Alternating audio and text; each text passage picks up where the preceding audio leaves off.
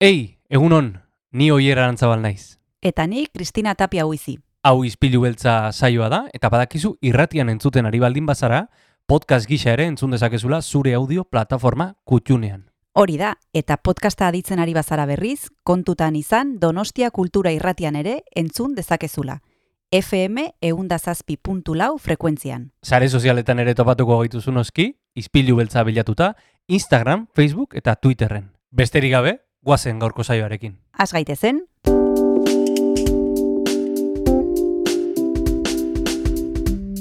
Ispilu beltza. Donostiako kulturaren berri, Oyer Arantzabal eta Kristina Tapia buizirekin. Egun honen entzule, otxailak amar ditugu ostirala da, eta astea maitzera goaz hemen Donostia Kultura Erratean, izpilu beltzean. E, espero dugu ondo egotea, ze gaurko saioa bete-betea dator.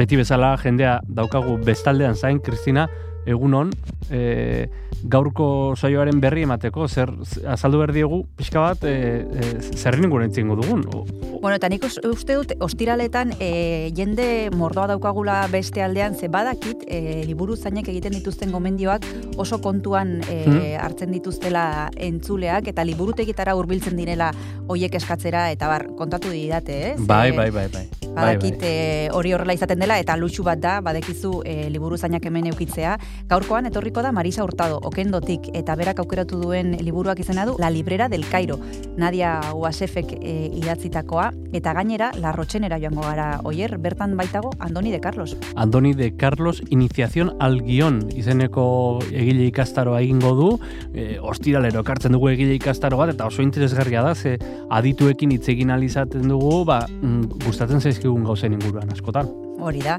eta nik uste elkarrizketa oso interesgarria izango dugula berarekin, badekizu Larrotxenen zinemarekin lotuta hainbat ikastaro daudela, hau da hoietako bat, eta naiz eta ez izan profesionala mundu hontan, nik uste dut interesgarria izango dela. eskarmentua e, irabaziko dugu eta irabaziko duzu entzule. Hori guztia gaurko izpilu beltzean eta nola ez, John Gartziaren musika. Bazen.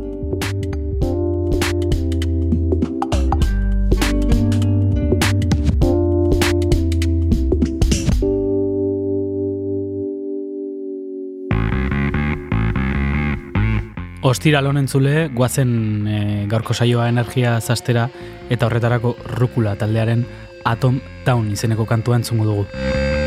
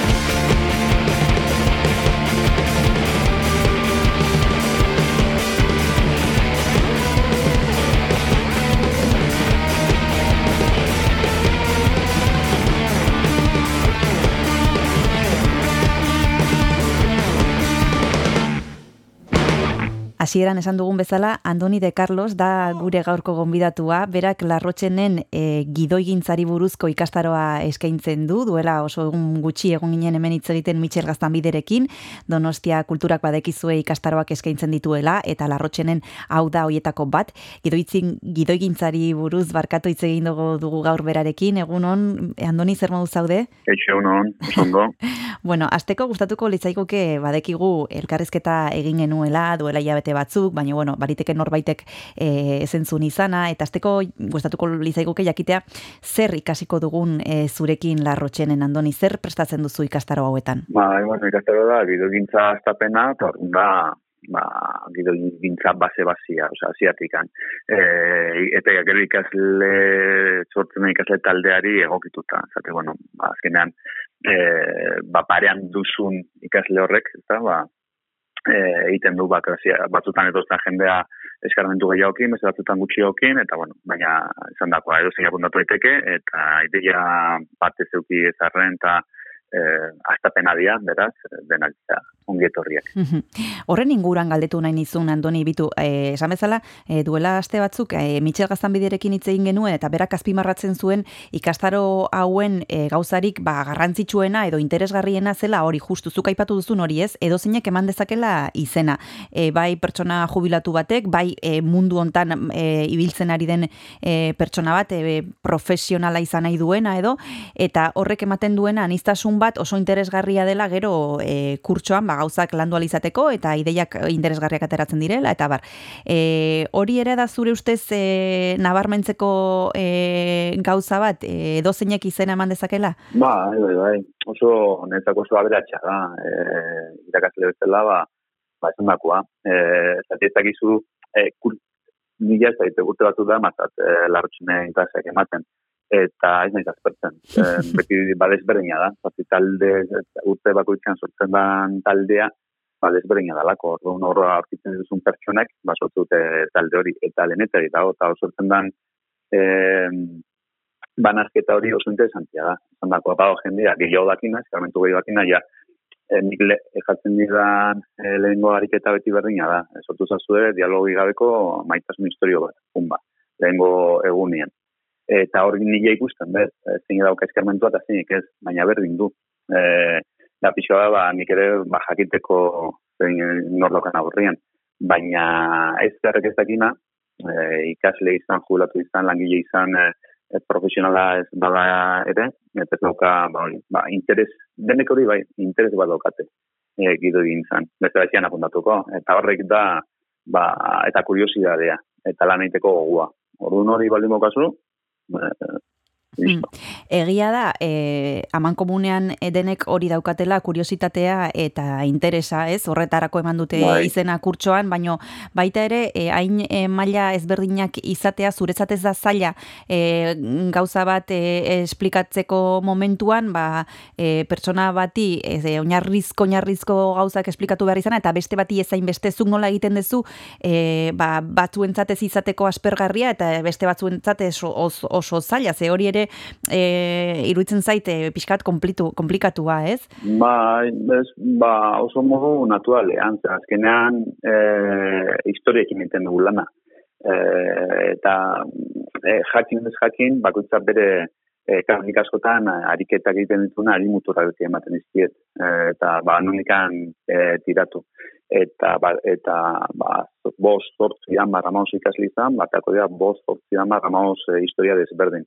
Eta jakin ez jakin hori e, interesantia da. Eta nola bakoitza bere e, historiai e, ba, ikustazu zerren dezun, eta ondokak zerren duen, e, gero jakin du, hobeto jatik du bidoia, hobeto edo kerrago, edo baina jungo da, erramenteak e, barneatzen, ez da, ez da bat ere aspergarria hori eta orduan no, la bakoitzak bere lana hori baia e, bueltatzen diet e, pareta lan ez bere ipidaltziatena nik errebotatu egiten diet mm. eta hori azkenean klase guztirako da mm -hmm. e, orduan nik uste oso modu naturalean ez dela dakia oza, bai eskermentua daukan pertsonantzako ere ez da jola egiten zete azkenean ba historiekin egiten dugu dako e, lana. Badira urte batzuk e, zuk e, larrotxenen e, ikastaroa eskaintzen duzula, eta nik ezakite bai. urteekin e, profila aldatu egin den ikasleen e, profila, eta aldatu baldimada zertan aldatu dena, baritu duzu zuk zerbait, e, ba, ez dakite, hasi zinenean e, batez ere makumezkoa, batez ere gizonezkoak, adin batzuetakoak, edo e, interes jakin batzukin, eta hori aldatu egin ote den. Ba, ba, izan ez duke zaten jakingo ez, beti dago, bai, jende desberdin nazunakoa, igual gaztena, ba, hogei urteko mutilo izan liteke, eta zarrena, ba, emakume jubilatu bat. Anigiak, baruan doenak, e, bai, e, ontan, ba, polizio den lan indako jendia, e, irakasliak, e, baina ez ez etorrela nahitu, ba, emakume, batutan igual emakume daude, bestatutan izanezkoa, gaztia, zarrak, baina, baina ez etorrelako, eta nik uste turren guztean, ba, beste talde bat egon gala, eta eta uzalo. Oraintxe bertan jarraituko dugu Andoni de Carlosekin gidoigitzaren inguruan hitz egiten tartetxo bat hartuko dugu eta segituan gara bueltan.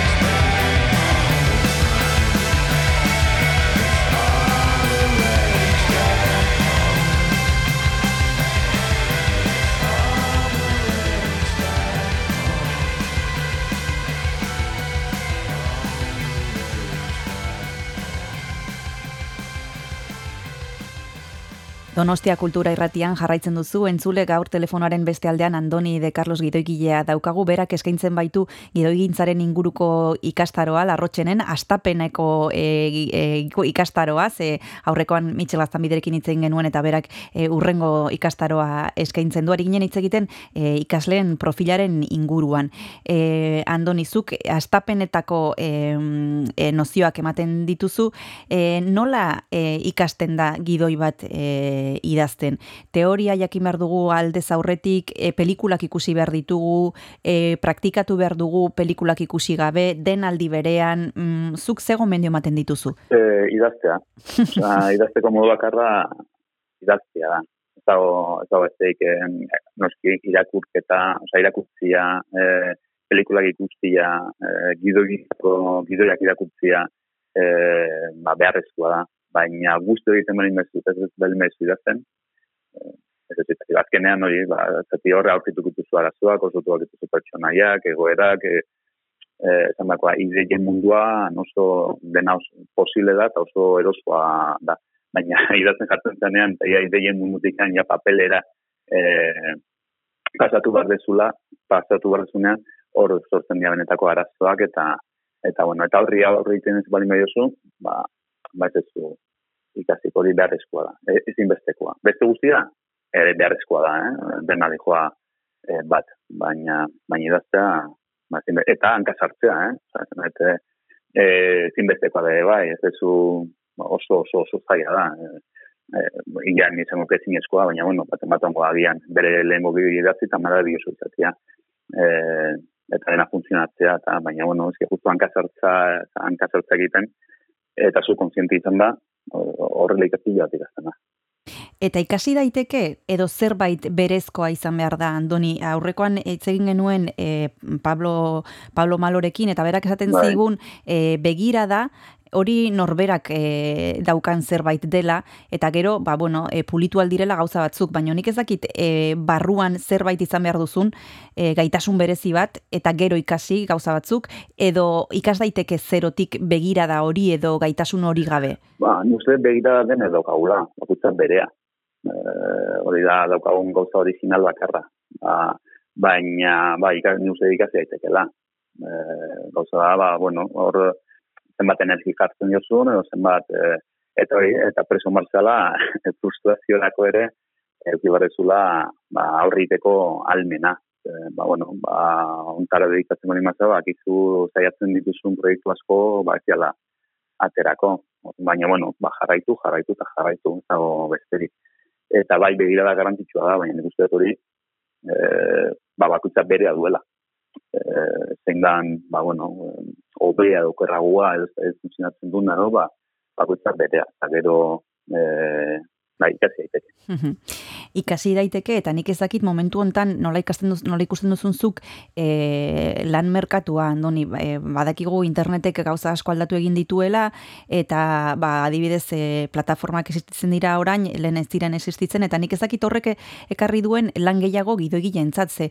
E, serie mordoa ditugu ikusgai, eta e, bueno, ez dakit aukera bat den, edo, edo, edo kompetentzia handiagoa den zuen artean, nola, nola ikusten duzuzuk? Ba, ondo, ni, osea, lan gehiago da, osea, nuztet eh, horrein bizitzen egian gara ja ona dala, baina beti da zaila.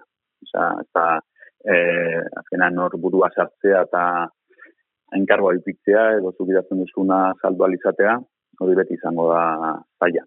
Baina, baina bai, eh, baina aukera, eh, gero eta plataforma gehiago, gero eta kate gehiago, gero eta eh, diru laguntza gehiago, ba, gero aukera gehiago. Eh, lana, Esaten duzu zaila dela, e, ze gustatuko litzaizuke, edo, edo orain e, zu e, zaudela e, irakasle paperean, e, zu hasi zinenean, e, ze konsejo edo ze aholku gustatuko litzaizuke entzun izan bere garaian? Hasi zinenean, adibidez, e, Pablo Malok esaten zigun jobitu, niri e, esan balirate bere garaian, ba, hemendik ez joan, edo ez gastatu hainbeste denbora eta hainbeste esfortzu hontan, e, da, joan beste bideontatik, ba, eskertu eskertuko nukezuk. E, sumatzen duzu zerbait, ba, aholkuren bat edo, edo iritziren bat e, jakin izan bazenu, ba, bueno, igual zure bidea beste modura e, egingo zenuen, ez dakit? Ba, ez da zer esan, nik uste lehen izan dakoa, eran katzatzekin erasko ikasten da, eta esan eta hartu dituzun bidiak eta ez dutenak funtzionatu edo ez diala zu e, uste zenunak izan, nik uste durtikan ere onurak atera ateatzen dituzula.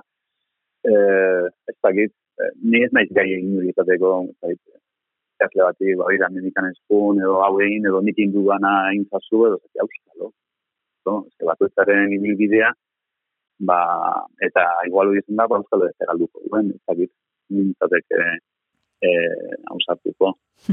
bueno, zuk, zuk, zuk esperientzia badaukazu eta hori partekatzea hori soilik ere ez da, ez da gutxi, ez? E, ze batzutan e, besteen esperientziatatik ere ikasi alda, ez da? Ba, e, ni gainare larrutxenen hasi. Ni larrutxenen, hori dela urte mordua ere ikasle izan dakoa naiz. Orduan, nik ere hori ni Isabel Albakin hasi nintzen, eh, han eh, larrutxenen, eh, ba, bai, urte, urte, urte asko.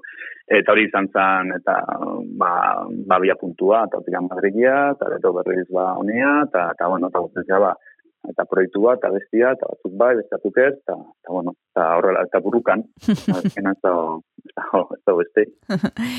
bueno, burruka honen inguruan jarraituko dugu orain bertan hitz egiten Andoni de Carlosekin, gidoi gintzaren inguruko ikastar bat eskaintzen du larrotxenen, tartetxo bat hartuko dugu eta segituan gara bueltan.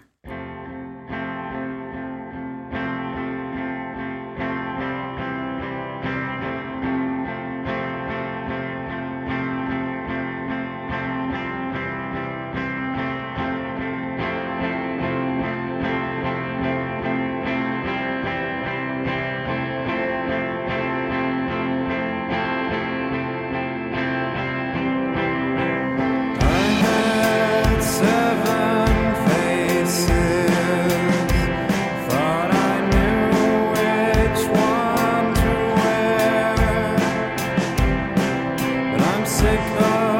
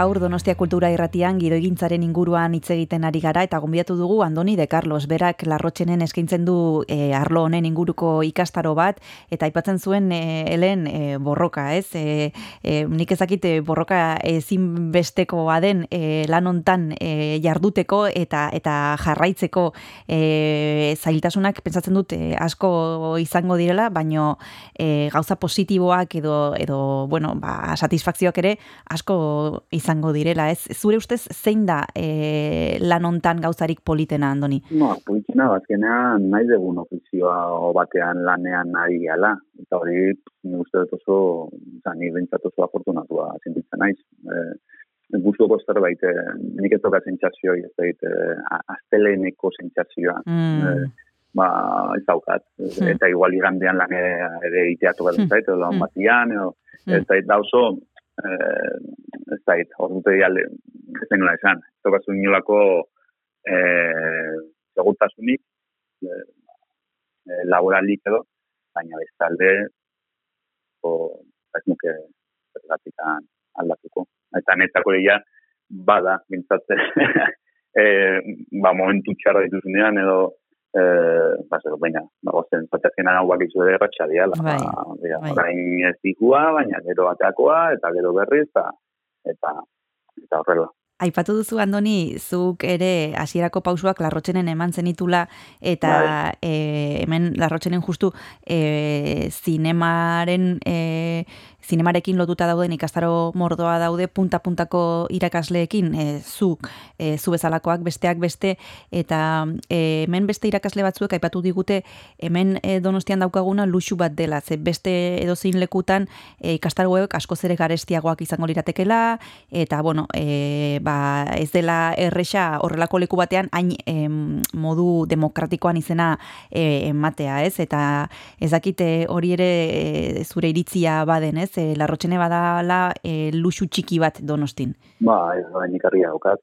Azkenan, ate bat da, edo lehio bat, edo zaite, bada, bada, e, zure eta mundu batean, e, zartzeko aukera ematen dizkuna, zure interes berberak, zuen pertsonekin, e, ba, biltzen zaituen leku bat. Esan dagoa, ez geniko, justo horri izan izaka honi izin hau zen zitzaidan, ba, baina nire lehengo horrela ikasketak Eh, larrotxenen initun, eta gero hortikan iraka, ba, ba jarraitu, no? Larrotxene izan ez, egonez balitz, ba, euskalo. Euskalo, bueno. baina, baina bai garrantzitsua intzen zaidu eta, eta eta baita luxu bat. E, ari gara gidoigintzaren inguruan hitz egiten eta nik ezakitu une hontan e, zerbait daukazun esku artean Andoni ari zara zerbait idazten idatzi berri duzu zerbait e, kontatu alduzun proiekturen bat daukazu? Bai, proiektua bai, baina oi, oraingoz proiektuak. A ber, e, puntu hortan dela atera ez atera, bai, bilerak zer, ba, azkenan hori, oso prozesu luzeak izaten dira, ere bargi berdea eduki arte. Eta hor txau, orduan nahi hau, ba, nola borde, hain kanarri berde zuten, ba, eta gian, ba, kajoian gatuko dian, edo auskalo, ba, ba, bueno, a ber, a ber, baten bat gauzatzen da, nik ustez bai. A ber, urrengo, egiten duen urrengo lako, ja, baukat, eh, esaterik. Ze hori bada zuen e, lanetako, lanaren ezaguarrietako bat, eta da zuek e, proiektu bat ja e, guk ikusten dugunerako, zuek iaia antzita daukazu ez, e, aspaldi hasi zineten bueltak aurrekin, e, aspaldi agian idatzitakoa da, eta bitxia da, e, guk ikusten dugunean, zuek ja beste gauza batean zaudete, eta tartean agian beste hiru edo lau egon dira. Eta hori ere, bai, ezakit, bai, zuek daukazuela beti kajoia e, proiektuz beteta, baina guk ikusten dugunerako bat, zuek ja zaudete beste beste fase batean. Bai, bai, bai, kajoia beteta duki barria. eh, ez dakiz inoiz noiz noiz ez duten azatzeko aukera, baina bai, azken ez dukondutan eduki, gidoilaria proiektuan sartzen da lehen ninkoa dala. Eta gero oso proiektu luzeak izaten diala. Orduan, klaro, ba, e, proiektua gauzatu arte, ba, euskal duzen baden ba, pasatzen. Orduan, bai, ja, ikusla ikusten duneako, gidoilaria ja, e, bai, beste zerbait dabi. Hemen e, aurreko almalorekin aipatu genuen telebista baita ere, eta guk apiatu ditugu hemen plataformak, beste aukera bat, eta lan gehiago e, bueno, izateko aukera bat da, eta nik ez dakit modu diferentean lan egiten den e, plataformen dako, telebistaren dako, eta eta zineman adibidez, e, e, berak bai egiten zuen bere izketa bat, e, ba, denborak ez dira igualak, bera zuzendari mhm. moduan esaten zuen noski, eh? baina bai. e, ez dakit gidoi, gidoiari erreparatuz e, gauzak diferenteak diren. Bai, netzako aldaketa handina izaten da proiektu propioa dan edo enkargua dan. Orduan, karo, proiektu propio bat balin bada, ba, asko, karo, denbora gehiago kasu, zati ez ditzen horrek eskatu, pero ja, sal, ba, inbarez, saldu inbarrezu, e, edo enkargua dan. Eta hor ja, epeak, ba, beste batzu dira, eta denbora beste batzu dira, hori ja, ba, gizua, ba, ere ez daukatu segutasunea ateako da, nire zen ateako da, guztiz gozatuko da, baina bintzat bai e, epe argi bat e, daukazu. Edo plataforma, telebista, edo bueno, zinean nire bai, zentzazio bai da artesanalagoa dala. Beste denbora batzuk, oza, denbora gehiago eduki dezakezula, eta telebista dela asko ere, eta plataformak ere bai, asko ere, enkargo jasotzen den asko zere azkarrago dana. Bueno, ba, esan bezala, modu goxo batean gidoigintzaren inguruan norbaitek nahiko balu pixka bat e, ikasi eta sakondu, badekizue Andoni de Carlosek eskaintzen duena larrotxenen e, gidoigintzaren e, astapenak izena duen e, ikastaroa. Eskerrik asko, Andoni, izpilu beltzara eta donostia kultura irratira urbiltzeagatik eta besarka da bat urrengor arte. Agur. Agur.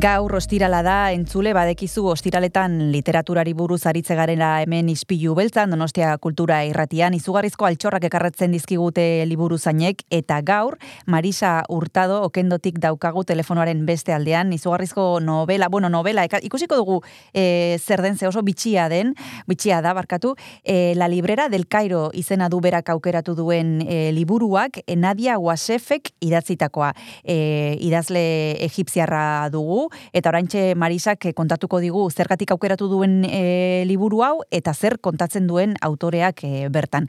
Egunon Marisa, ¿qué tal estás? Egunon, Cristina, oso ondo, eskerrik asko. Bueno, como hemos dicho, nos traes una cosa curiosa eh, que poco a poco vamos a ir hablando de ella, pero lo primero de todo, Marisa, como siempre, me gustaría saber y nos gustaría saber eh, qué es lo que se cuenta en la librera del Cairo sin que nos desveles demasiado cuál es la idea principal que Nadia Wasef nos plantea en este libro. Pues mira, ya partiendo del título, ya nos va dando una idea, pero quizá puede ser una idea errónea, porque en los últimos tiempos hay un montón de publicaciones y además muy buenas, que son novelas, que tratan el tema del libro y la persona que va a las librerías, ¿no? Entonces tenemos, por ejemplo, un montón de publicaciones que ya digo que son muy buenas, pues por ejemplo, yo que sé, la de Daniel Fuenquinos, por citarte así las últimas, que es la Biblioteca de los Libros Rechazados, que se ha hecho una película también, o una librería en Berlín que acaba de salir hace poco, de François Frenkel, o la pequeña librería de Estela. O sea, eh, el, el, tema, aunque puede parecer manido, casi crea un estilo, que es eh, lo que pasa con las personas que van a las librerías, porque la librería se convierte también en protagonista de la vida de esas personas. ¿no? Bueno, pues con el título de, de que vamos a traer hoy, La librería del Cairo, del Cairo, podría parecer que era también una novela de este estilo, pero no es una novela, Ajá. es una miscelánea. Ajá. Es decir, está catalogada como miscelánea, que es eh, la miscelánea es un género literario que es de carácter didáctico, es decir, que aprendes cosas de esa lectura y eh, se mezclan eh, pues diferentes materias. Puede ser una biografía con una historia de viajes, puede ser un ensayo y reflexiones con, con una biografía, es decir, por eso es miscelánea, porque se mezclan diferentes eh, materias, pero todas unidas por un hilo en común, ¿no? Y en este caso, la librera del Cairo eh, es la biografía de, de, esta autora durante los 15 años que eh, creó junto con su hermana y otra amiga en las mejores librerías que ha habido en el Cairo, que llegó a tener hasta 15 librerías, luego se redujo a, 15, a 10, y es la experiencia de esta mujer en una sociedad eh, que, bueno, vamos viendo a lo largo de la historia que al principio es bastante más receptiva hacia las mujeres, pero que en los últimos años eh, llevar tú un, como mujer un negocio propio se ha convertido al final en una auténtica tortura, ¿no? Entonces vamos paseando por la ciudad del Cairo que siempre pensamos pues en esa historia antigua y no conocemos realmente la realidad de, del Egipto actual que tiene muchísimas cosas que ver con nuestra sociedad. O sea, es que pensamos que, que allí pasan cosas que aquí ya no pasan. Y no, no, nos hace ver, efectivamente nos hace ver, es como un espejo donde ves algo que pasa afuera, pero dices, concho, esto también pasa aquí dentro y me hace reflexionar, ¿no? Entonces, es muy interesante la, la miscelánea. Hablabas, eh, Marisa, de que eh, vemos cómo a la autora le cuesta eh, poner un, en marcha un negocio, en este caso una librería, con lo que eso conlleva, ¿no? En alguna entrevista le he leído que es muy difícil convertir tu pasión en negocio y que el negocio no acabe con ella. Eh, también, no sé qué, hasta qué punto es un recorrido a lo largo de los años, si abarca un periodo grande de tiempo, si se centra en un momento concreto, que es cuando pone en marcha la primera librería. Cuéntanos un poquito en el tiempo, en, en, qué, en dónde se ubica. Sí, pues mira, se ubica eh, en los. Eh, acaba, digamos, con la primavera árabe. Uh -huh. Y retrocedemos 15 años atrás. Uh -huh. Entonces, hay una sucesión de gobiernos que eh, cada vez, digamos, llevan peor el, el aumento de población eh, en, en, Egipto y con eso se eliminan además un montón de servicios básicos de la población, entre ellos eh, el sistema educativo. Entonces, la, la, educación se queda muy constreñida y eh, es muy fácil manipular porque los escritores se convierten en burócratas y escriben lo que los gobiernos deciden que se cuente, ¿no? Entonces, por eso ella, eh, además es muy curioso cómo cuenta eh, las cosas, porque ella dice, nos decidimos hacer una librería, que es como suele pasar a veces las cosas, ¿no? Ellas mm. han sido siempre unas mujeres muy lectoras, tanto ella como su hermana, mm. y pertenecen a la alta burguesía. Mm. Entonces, han tenido una educación que no es la normal. Ellas estudian en el Cairo, pero estudian en colegios eh, ingleses, con un programa inglés. Entonces, ella misma dice, yo me siento desarraigada mm. porque mi, mi, ama, o sea, mi lengua madre eh, es eh, la inglesa mm. y me costó mucho tiempo llegar a dominar el árabe y mm. mucho más la escritura árabe, ¿no? Entonces ella siente ese desarraigo que en el fondo le ha venido bien, pues porque tiene una visión cosmopolita del mundo, ¿no? Entonces ella cuenta que estaban con sus parejas, su hermana, su mejor amiga y tal, y el padre de estas acababa de fallecer y tenían adoración por su padre, ¿no? Y acabó con problemas neurológicos el padre, entonces estas le leían mucho y el padre agradecía esas lecturas y el padre también, sobre todo a, la autora, le dice, tú vives en una sociedad en donde tienes que ir más bien eh, sin mostrar cómo eres, porque es como una leona. Si ves la, las fotos, es una mujer con un pelo rizado, es guapísima, y, y, va pisando fuerte. Entonces él le dice, has nacido en una sociedad donde a las mujeres no se les permite pisar fuerte. Entonces, si tú quieres avanzar en esta sociedad, hazte pequeñita, que no se te vea para que consigas lo que lo que quieres conseguir, ¿no? Entonces esa noche que están recordando al padre, eh, una de las personas que está allí dice: si vosotras pudierais hacer algo por Egipto, ¿qué haríais ahora? Y las dos hermanas dicen: pues crear una librería crear una librería, pero no una librería polvorienta como las que existían, donde nunca había novedades, sino crear una librería moderna con una cafetería al lado, en donde la gente pudiera estar tranquila, porque es que nos habla también de que su librería coge tanta, tanta fama no solo porque eh, vende libros en cuatro idiomas, eh, son novedades todo lo que trae, no libros antiguos que ya eran antiguos cuando los publicaron, sino que es, muy actual, ¿no? Pero además tiene una cafetería. Y es un lugar de asilo para las mujeres, porque ella nos dice, en Egipto las mujeres están constreñidas a los lugares cerrados. Eh, y, por ejemplo, cuando quieren ir al servicio en la calle, hay servicios públicos, es un peligro porque siempre hay acechadores en los servicios públicos que te pueden costar caro. Entonces, eh, estas mujeres entraban a los baños de la librería y nadie las juzgaba y podían estar tranquilas y podían estar allí tomándose un café. Es decir, era un espacio público pero a la vez privado, ¿no? Entonces, eh, es un espacio que se genera, que es mágico en ese momento y en esa sociedad. ¿no?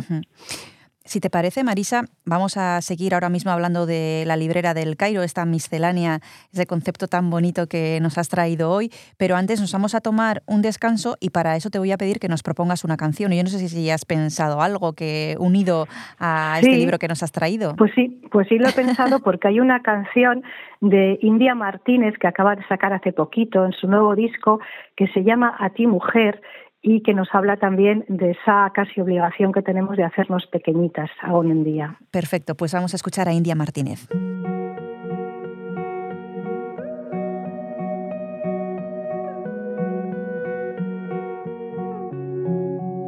A ti mujer, que te enseñaron bien a hacerte pequeñita, a ti mujer, que calladita está más guapa, mira a ver si te metas se te ve mucho la piel y de piedra la montaña, pero no el hombre mujer. Tú que aún eres invisible, media tierra, ti mujer.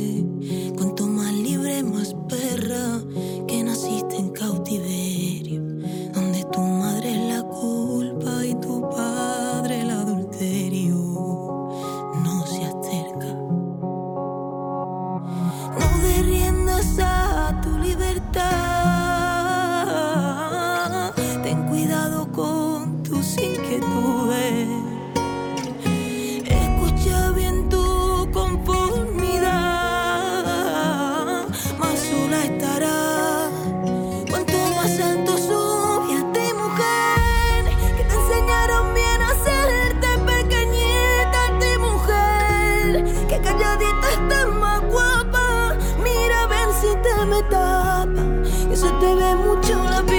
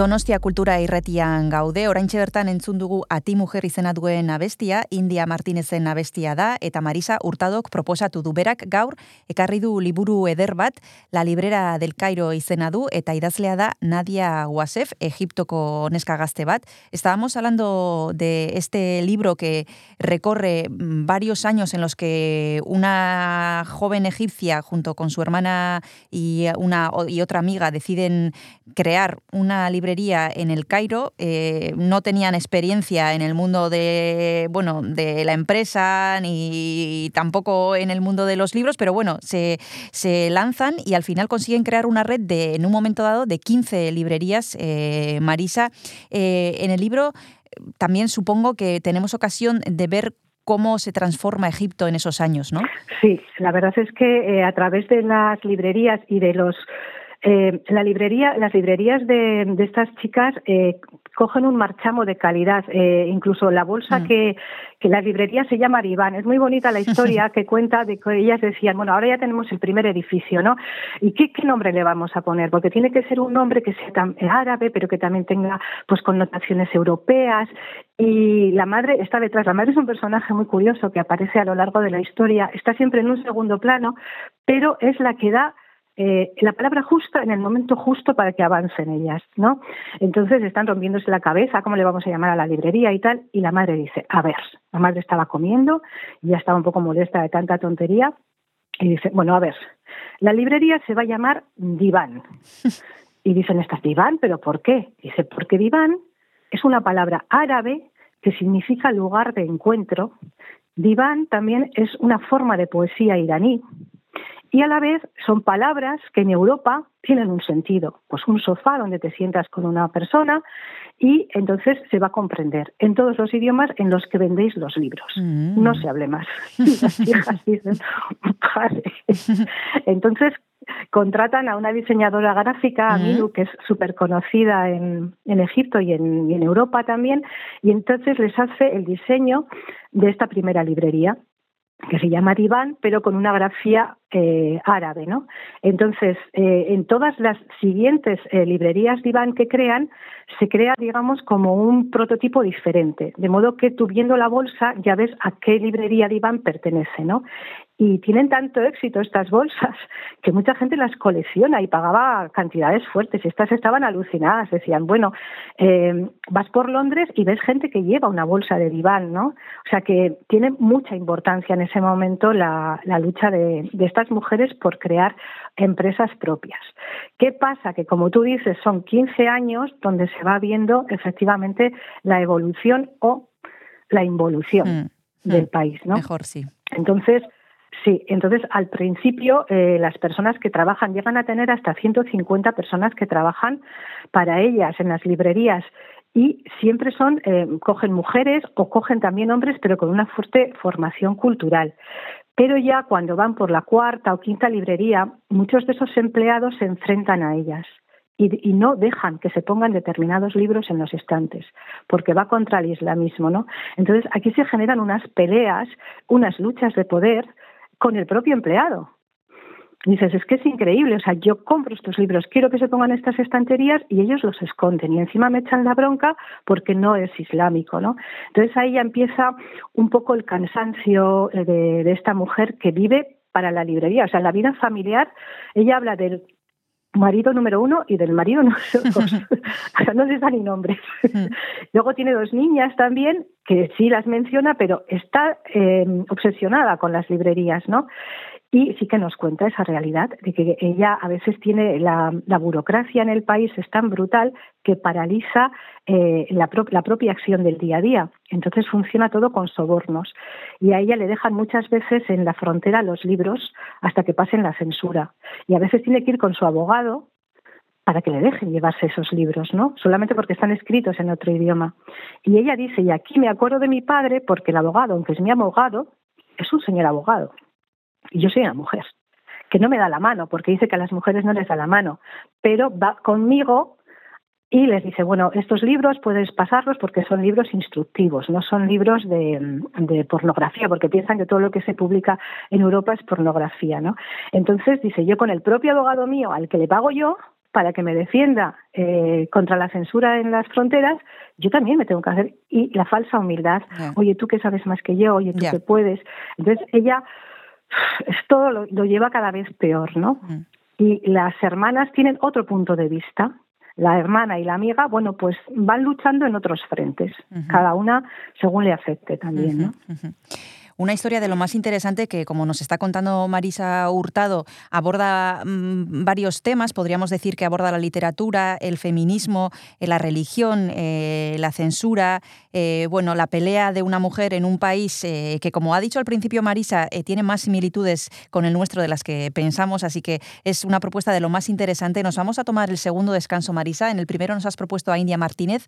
Para el segundo, ¿qué podemos poner? Pues mira, me gustaría escuchar a la madre su canción Viento de Levante, en donde nos habla de la, de la poesía y de la literatura y de la libertad que te da el poder eh, ser poeta o escritora. Perfecto, pues vamos a escucharle.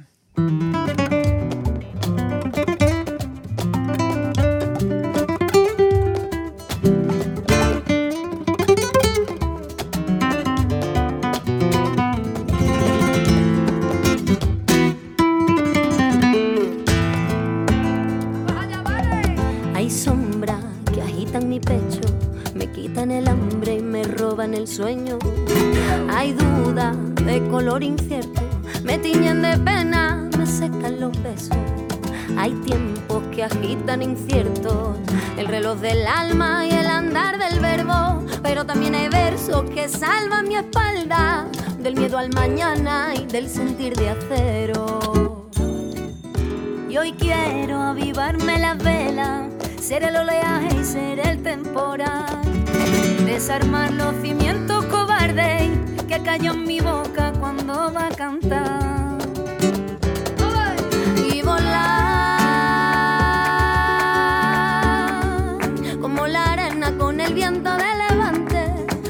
Mi pecho cuando le entran los arranques y no comprende más caminos que volar, volar, volar, volar. volar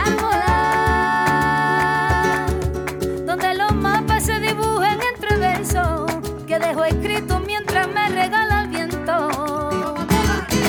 El que comparte mi locura por volar.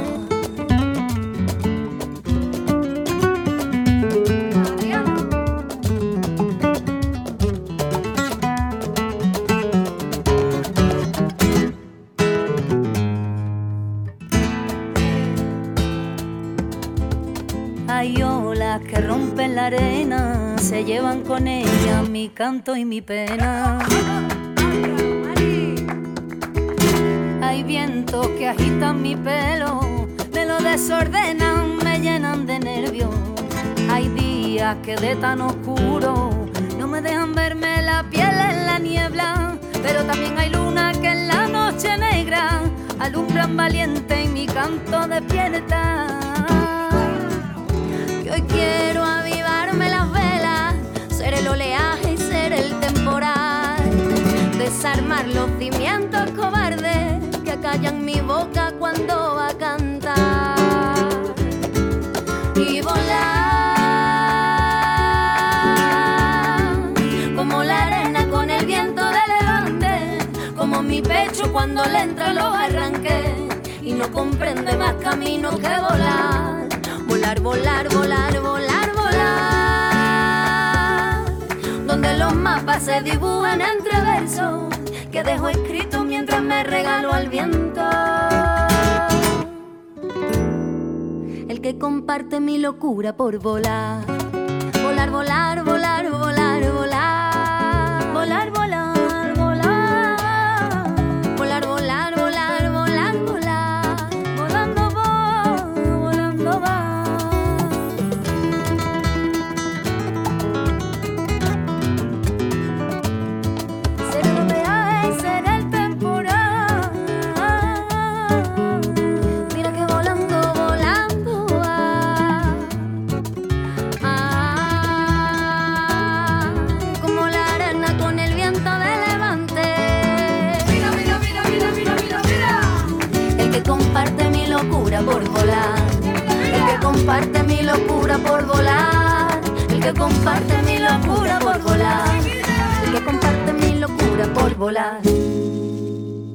Donostia Kultura Irratian gaude eta gaur literatura dugu izpide, Marisa Hurtado daukagu telefonoaren beste aldean, bera okendoko liburu zaina da, eta gaur ekarri duen e, liburuak izena du La Librera del Cairo, Nadia Wasefen historian oinarritutako miscelanea, esan dugu berak, eta orantxe bertan berak proposatutako e, Viento de Levante abestia entzun dugu. Eh, estamos hablando de los temas que aborda Wasef en este libro. Quería preguntarte también, Marisa, por el estilo que utiliza la autora. No sé si te ha resultado difícil en algún momento, el lenguaje que utiliza es comprensible. Eh, bueno, cuéntanos si es para todos los públicos, si es algo un poco más complejo. No, la verdad es que yo, la verdad siempre eh, me estoy encontrando con, con autoras que tratan temas en profundidad, pero eh, tienen un dominio del lenguaje tal que lo pueden hacer eh, cercano a todas las personas. Este, esta miscelánea, la librera del Cairo, es una delicia eh, leerla, porque no es una mujer que escriba desde la agresividad, sino desde la moderación. Eh, ella ha aprendido por su cultura a expresarse, pero pues eso, sin ser demasiado, sin hacerse notar demasiado. Lo que pasa que sus frases eh, muchas son demoledoras, efectivamente. O sea, no dice las cosas desde la rabia, pero las dice desde la realidad y desde la comparación, ¿no? Entonces es muy fácil leerlo, es muy ameno. Es una historia que va, que va fluyendo y la verdad es que yo la recomiendo muchísimo porque no te lleva ningún esfuerzo la, eh, el leerlo. Una lectura de lo más interesante y tenemos que decir también que esta mujer, Nadia Wasef, que ya Marisa nos ha contado un poquito de su biografía, no es el perfil, eh, bueno, el más habitual en Egipto porque ella tuvo acceso a unos estudios, bueno, un poco más elitistas, podríamos decir. Figuró, eh, Marisa, en la lista de las 100 mujeres más poderosas de Oriente Medio en la revista Forbes durante tres años seguidos, 2014, 2015 y 2016. Tenemos que decir que ella finalmente se trasladó a vivir a Londres. Yo no sé si desistió o si eso es algo de lo que no se puede hablar todavía si, si no hemos leído el libro. Pues yo mmm, no hablaría del final, eh, porque eso es mejor que lo descubran las lectoras y los lectores. Es un final, de todas formas, es un final abierto, que según tu forma de ver las cosas, eh, dices, bueno, pues ole por esta mujer o qué pobre. Es que según como lo veas también, ¿no? Ella es muy sincera con, con estas cosas, pero yo al final lo dejaría para, para que se encontraran con ellos las lectoras y los lectores. Perfecto. Para terminar, Marisa, eh, me gustaría saber si alguien se acercara a Oquendo, ¿tú le recomendarías este libro a quién? ¿A qué tipo de lector? ¿A qué perfil de lector le interesaría este, La librera del Cairo? Bueno, pues por fortuna cada vez eh, hay más lectoras y lectores que no se asustan ante un ensayo uh -huh. y una miscelánea. Uh -huh. eh, y yo se lo recomiendo a cualquier persona que le guste leer. Eh, a veces nos centramos solo en lo que es la narrativa, en la ficción, que también aprendes muchísimas cosas y pensamos que ese tipo de literatura, porque es literatura también, eh, está hecha solamente para personas de cierto nivel uh -huh. cultural y no es así. Uh -huh. El esfuerzo que hacen todas estas mujeres en los últimos años es tratar temas importantes y de forma seria pero de forma divulgativa también. Entonces, ya te digo que son lecturas agradables, que te hacen pensar, que te hacen reír, que te hacen llorar, porque es la vida, contaba tal cual, efectivamente. Bueno, pues con esta recomendación os dejamos eh, con la librera del Cairo, escrita por Nadia Wasef, que tenemos en Ediciones Península, que también está en la red de bibliotecas de Donostia, como siempre. Y nos despedimos dándole las gracias a Marisa Hurtado por habernos traído, como siempre, pues una joya. Siempre lo decimos, pero no es en vano, ¿eh? porque nos descubre cosas de lo más interesantes y en este caso así ha sido con esta miscelánea. Muchísimas gracias, Marisa, eta hurrengo arte, que ricasco. Vale, es que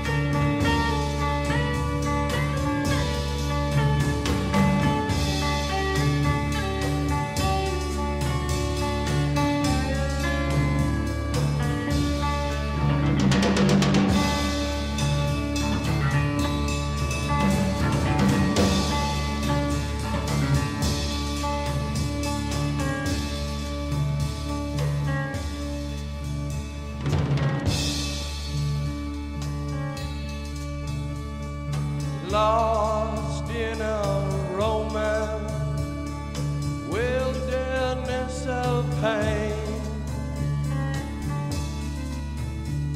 and all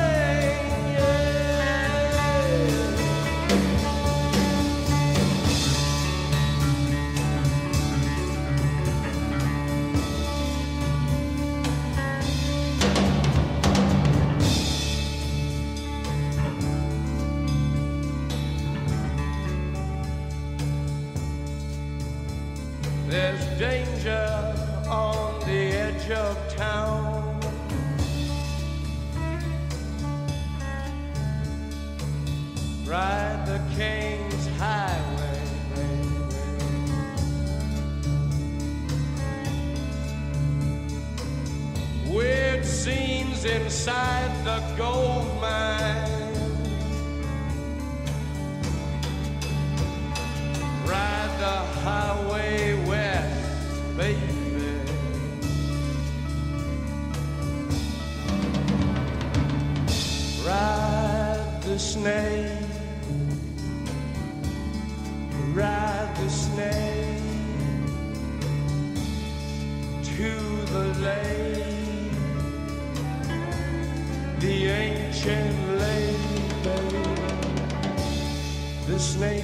long,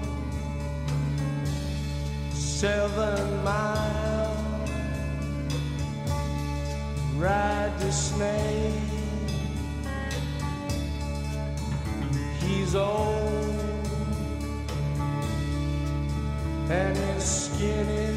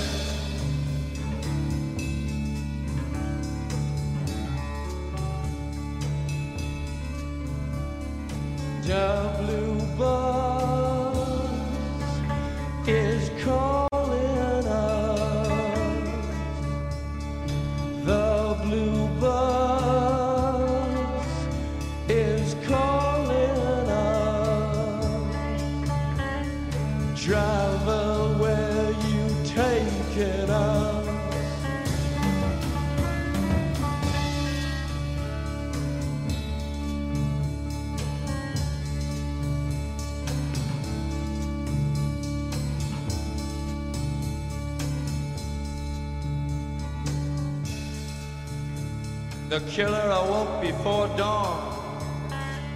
He put his boots on.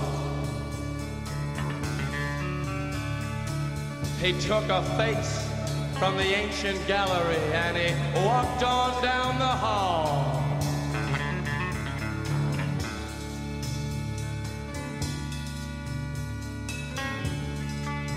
He went into the room where his sister lived and then he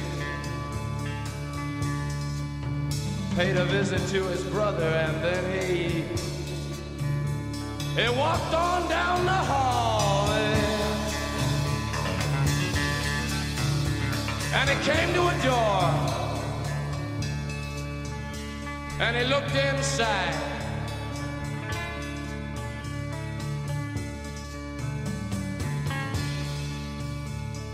Father, yes son, I want to kill you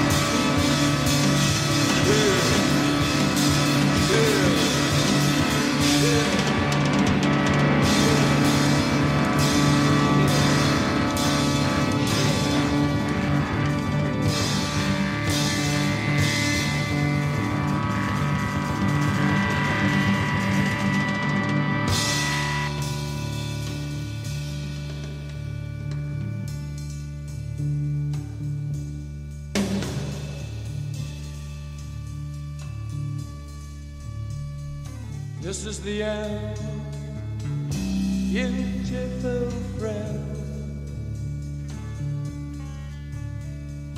This is the end, my only friend. The end. It hurts to set you free, but you'll never follow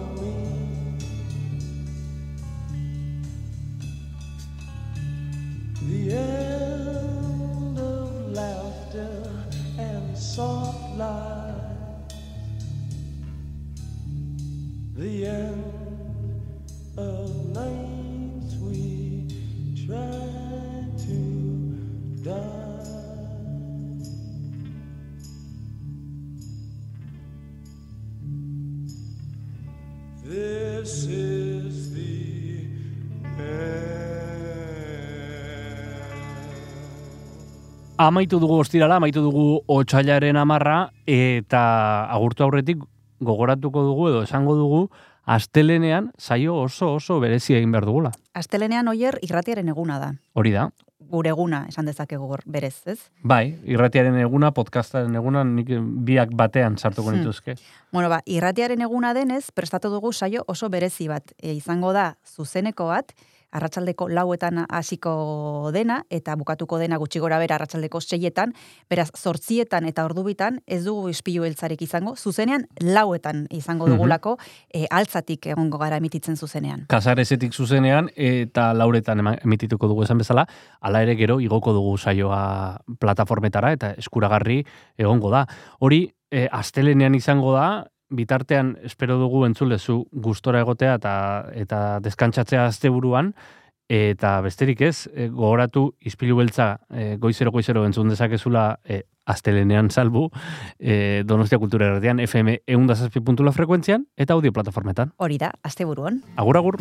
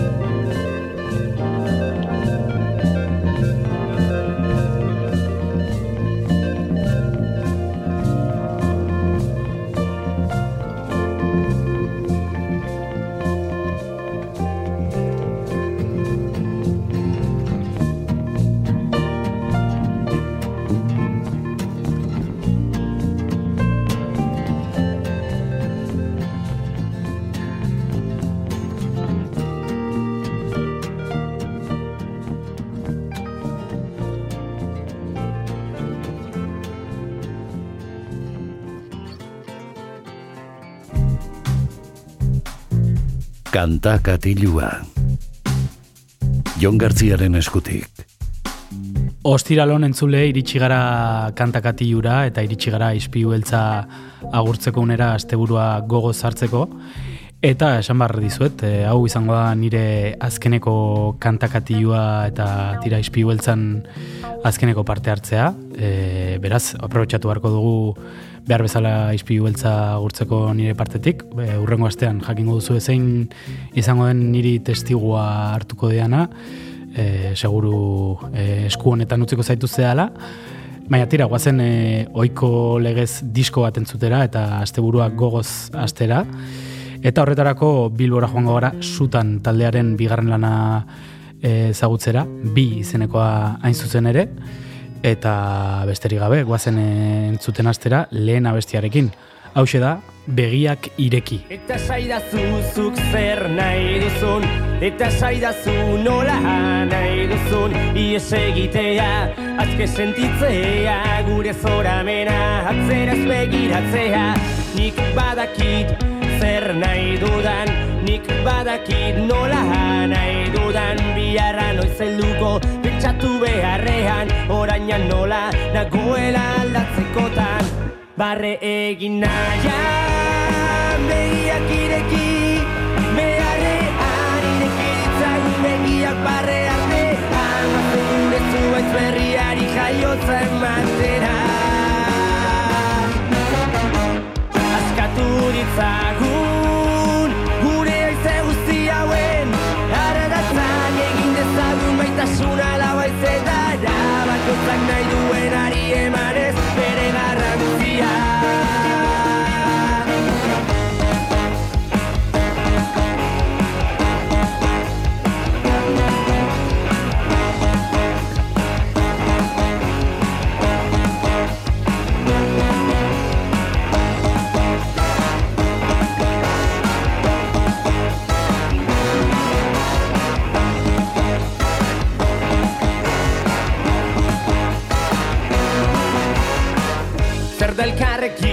egin dezakeguna ezagutzen dut azalduko didazuna bion arteko sekretu guztiena eta galdetzean ikusiko dela erantzuna. Geu bakarrik izango gara helburuen bila helmugen bila pauso txiki askoz gukera ikitakoa sortearen bila. Barre egin nahian begiak ireki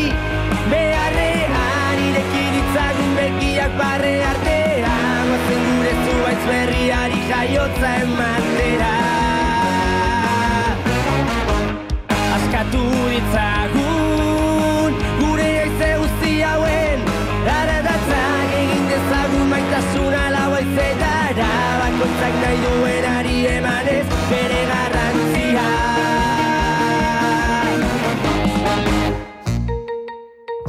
Berriz ere sustekoan Arrapatu egin zaitu Berri hasten bizipen honek Lo ezinean uzten zaitu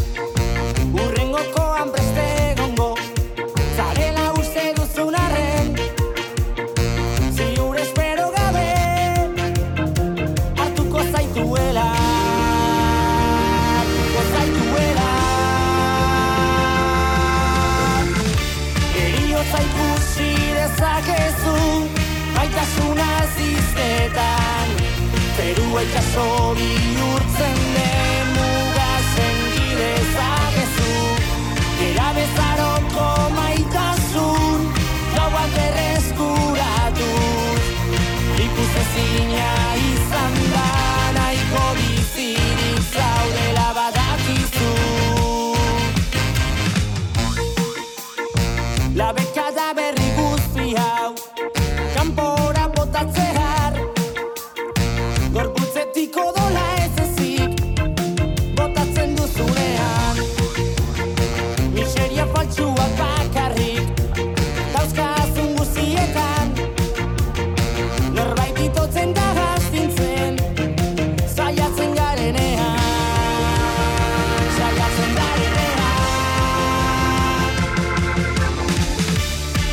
Hotza ikusi dezakezu Maitasuna zizketan Zerua itxaso bihurtzen den Muga senti dezakezu.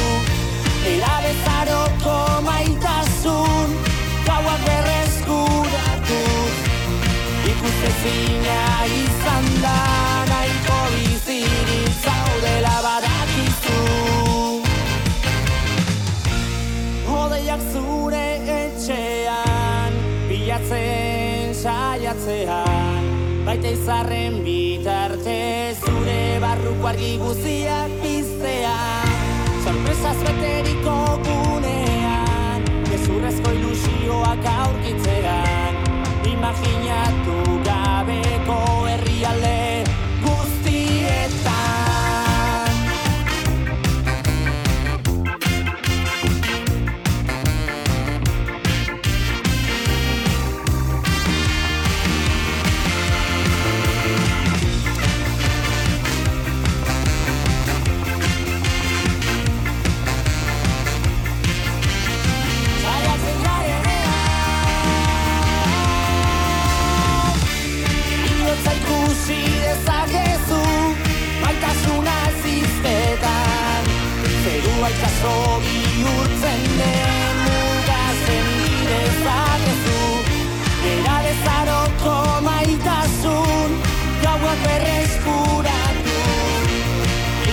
Ikustezina izan da nahiko bizirik zaudela badakizu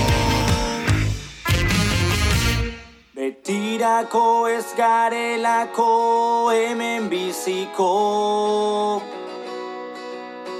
Gorde dezagun gure sakuan egun sendi bakoitza Ta lur honetatik desagertzerakoan. Utzitako lekuan horbaitek beteko duelakoan. Zaindu gaitezen elkar. Ta ez daukagu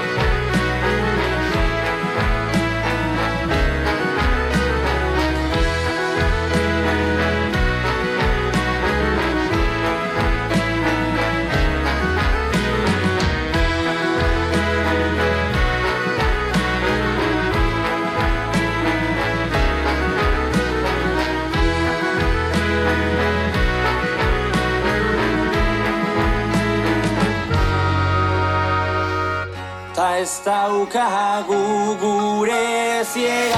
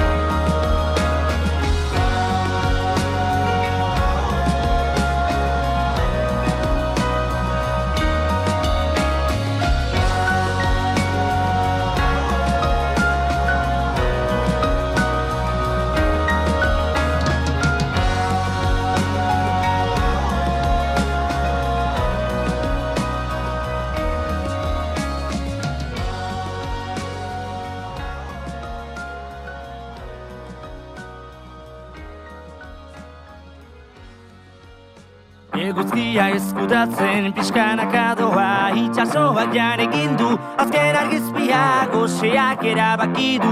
Honen amaiera iluntasuna da gorain Guzion aurrean argitasunik ez dago. Izeko gaua usua itzali eginda Azken momentuan zuzko izarra izotzezko Bihurtu eginda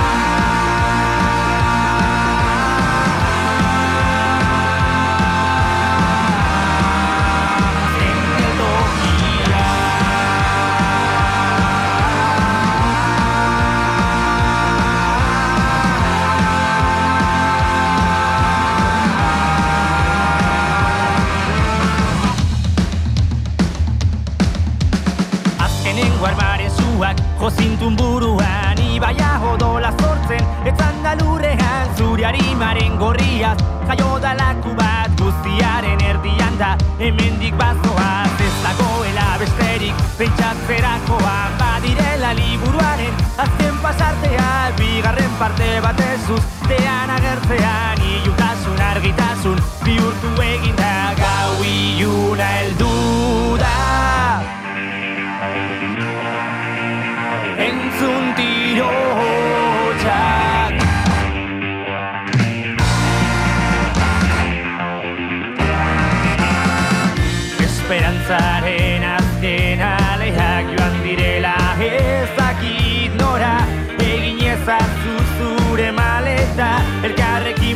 elkarrekin bidaia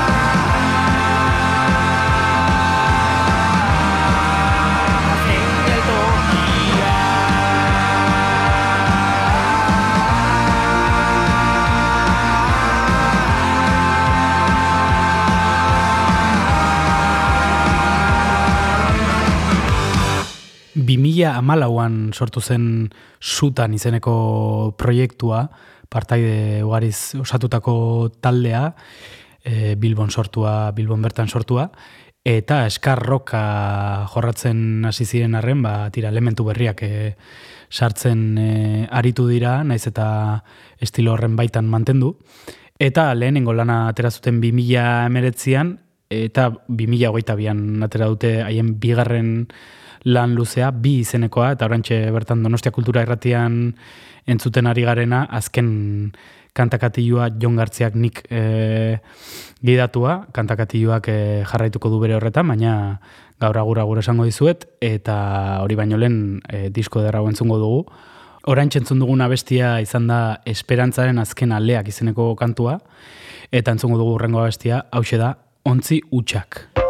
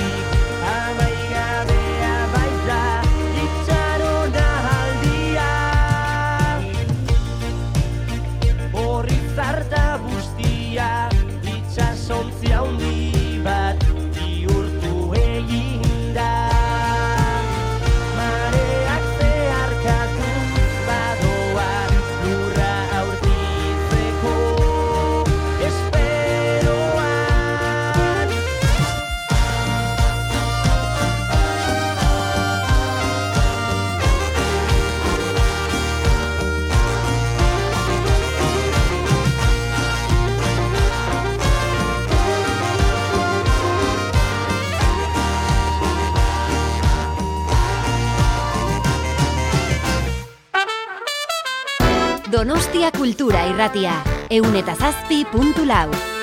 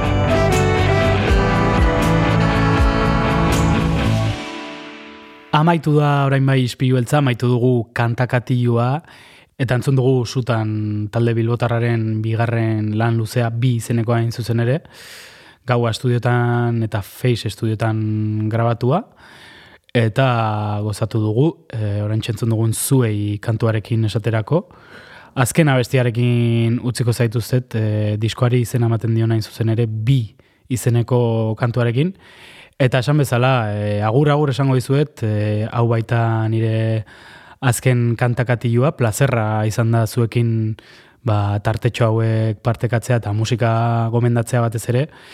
Entzuten egon bazara entzule, espero dut noizbait e, gustoko zerbait aurkitu duzuela tartetxo txiki honetan eta alaxe jarraituko duzuela egiten, ziur nago esku honetan utziko zaituztet, urrengo astean jakingo duzue zeinek hartuko duen lekukoa.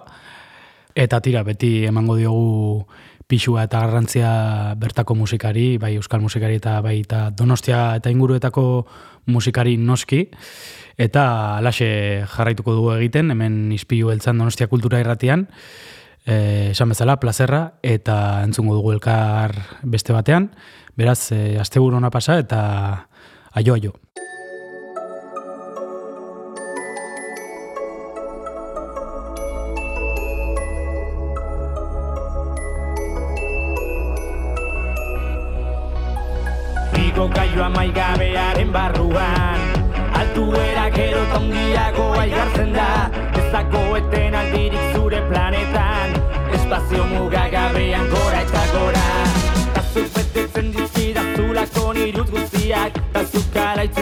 Dizkidazulako egunak Tazuk egiten didazulako dana errezagoa. Tazuk argitzen duzulako nire bideiuna.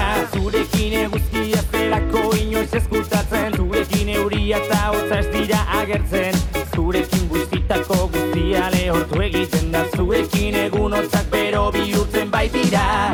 Babestu nazazu Zaudela nire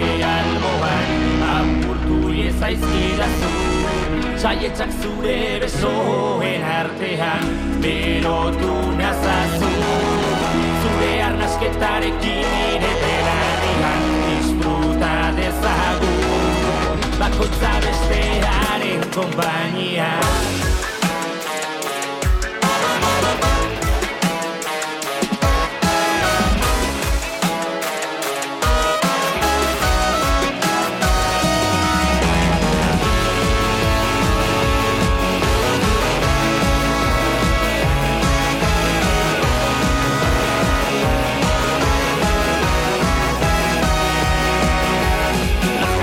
sola irurik ezagoela Bat batean kontu gaztu egiten zarenean Igo erarekin jarretzea nahi duzula.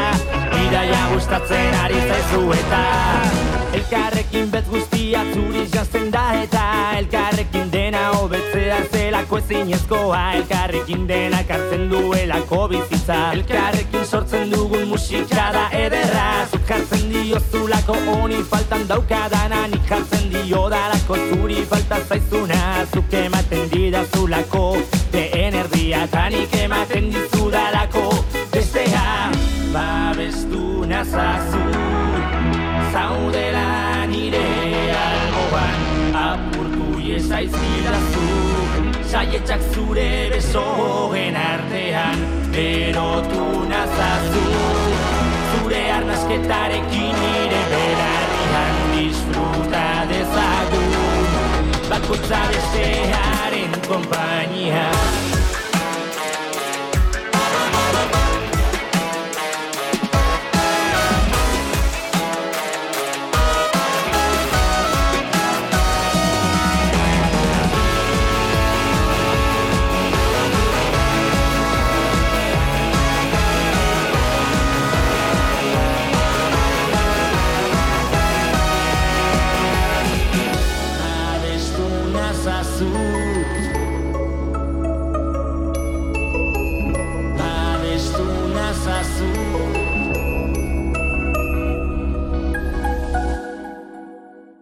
Ispilu beltza podcasta entzungai duzu irratia.donostiakultura.eus webgunean, Spotify, Apple Podcasten, Google Podcasten edo zure audio plataforma kutxunenean.